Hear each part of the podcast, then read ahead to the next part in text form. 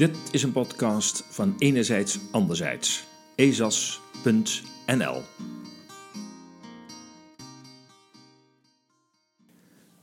Naar een nieuw verhaal. Hoe moet het nu verder? Blijken ongewild naar een nieuw tijdperk geloodst. Een tijdperk dat niet is besteld, maar toch wordt bezorgd. Alsof je te snel de verkeerde knop in een online shop hebt beroerd en het pakketje nog dezelfde dag veilig en contactloos bij op de stoep wordt gedeponeerd. Daar was hij ineens. Een virus. Niet zomaar een virus, maar een die een spoor van ellende kon achterlaten. Veel was er nog niet over bekend. Iets met een Chinese vleermuis, dicht bij een fabriek die werk maakt van virussen, hetzelfde type virus dat over ons heen rolt. Onze premier en meer eindbazen vertelden in maart 2020 dat het virus nog een grote onbekende is, maar dat we wel, dat is al zeker, naar een nieuw normaal zouden gaan. Er heerst angst. De media gaan los op het virus. Het vergrootglas gaat over elk detail. De eindbazen grijpen hard in. Vrijheden worden ingeperkt, oorlogswetten aangenomen. Ziekenhuizen worstelen met de zorg. Ondernemers met hun gesloten zaak. Veel mensen zien hun vrije samenleving verdwijnen achter angst en repressief optreden tegen het overtreden van de coronamaatregelen. Kinderen krijgen een bekeuring. 1,28 meter is 22 centimeter te weinig. Onze ouderen belanden in een hel van veiligheid, opgesloten om maandenlang in eenzaamheid weg te kwijnen, soms tot een eenzaam sterven volgt. Op de achtergrond vinden disruptieve ontwikkelingen plaats in de financiële wereld. De multimiljardairs tikken er in een paar coronamaanden miljarden bij. De farmaceutische industrie ziet opdrachten binnenrollen die zij in de hele geschiedenis van de branche nog niet eerder hebben gezien. Grote bedrijven laten een Duitser in slecht Engels vertellen dat het virus een korte gelegenheid is om de wereld te veranderen. Zij ogen blij. Zelfbenoemde vaccin-experts zwerven over miljoenen beeldschermen. Naast de angst voor het virus ontstaat onrust. Gaat de samenleving niet de verkeerde kant op? Wat zit hierachter? Wie profiteert van deze crisis?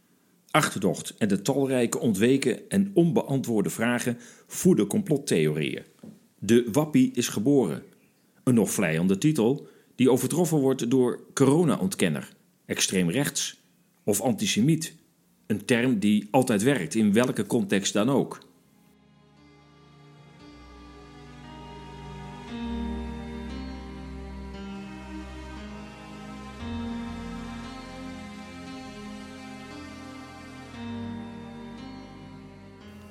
Demonstreren mag, mits het niet tegen de vrijheidsbeperkende coronamaatregelen is. Knielende agenten bij demonstraties van Black Lives Matter, afrossende ME'ers als mensen voor hun vrijheid demonstreren. Een democratische samenleving is even ver weg. Hoe ver? vragen velen zich angstig af. Er ontstaat scheuring in gezinnen, families, tussen buren, collega's, vrienden en in verenigingen. Rode koppen, dicht gestopte oren, Berichten die de situatie in context plaatsen of van minder alarmerende cijfers voorzien, worden niet gehoord. Hun boodschappers, wetenschappers, alternatieve journalisten, Nobelprijswinnaars genegeerd, in de hoek gedreven of erger. Hun videoboodschappen vallen ten prooi aan een censuurcampagne die niet eerder in democratieën is gezien. Een lawine aan testen overspoelt het land. Velen zoeken de zekerheid van een negatieve PCR-testuitslag het virus lijkt op en neer te gaan en we moeten dansen met het virus. We weten ons geen raad meer als we onze vrienden of kennissen weer voor het eerst zien. Hoe gaan we elkaar begroeten? In menige zin heeft nog nooit zo'n grote olifant in de kamer gestaan. Eentje die niet meer weg lijkt te gaan. Kijken we nog het nieuws of gaan we een film kijken? Accepteer jij de mondkap? Hou jij je aan de avondklok?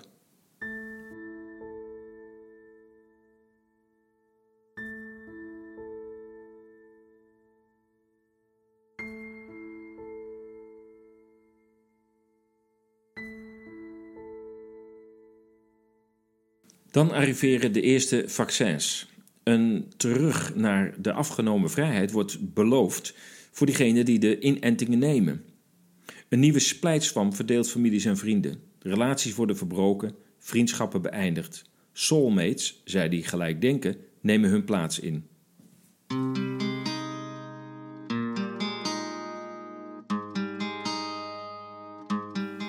De man rijdt naar het dichtstbijzijnde vaccinatiecentrum. De vrouw wil niet. Vanaf nu hebben zij twee levens. De een krijgt een oké-pas en mag uit eten, een museum bezoeken, een weekendje Parijs boeken. De ander zal het met Netflix moeten doen. Zijn leven is blijvend ontdaan van veel vrijheden die tot maart 2020 nog in onwrikbare wetten leken verankerd. Maar zelfs de grondwet is gehavend geraakt. Maar we moeten verder. Een samenleving valt uit elkaar en de maatregelen trekken sociaal verwoestende sporen. Wonden worden geslagen, vaak voor altijd. Het voelt als onrecht en dat is het ook. Bedoeld, onbedoeld, uit onkunde, uit winstbejag, het voelt niet goed. Zij die gevaccineerd zijn, kijken vooruit naar een bioscoopbezoek, een vet festival. Maar zij zullen dat dan moeten doen zonder hun partner, vriend of vriendin die een andere keuze heeft gemaakt. De pijn zal blijven, ook al schalt de muziek op het festival nog zo hard of is de film nog zo mooi.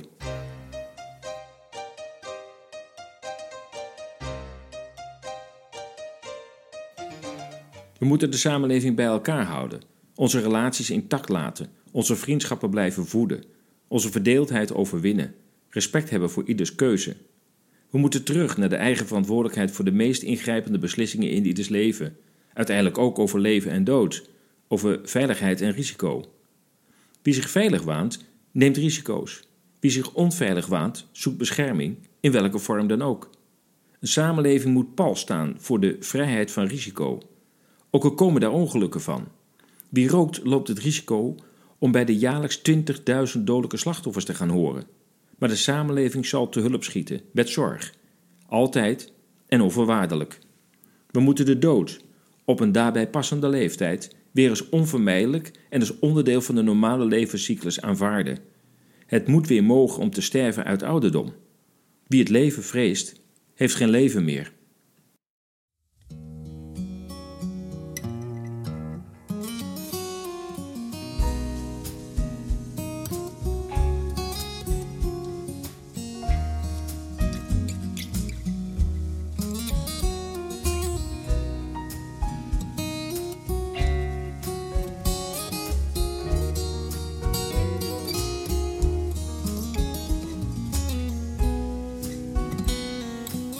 Een nieuw verhaal.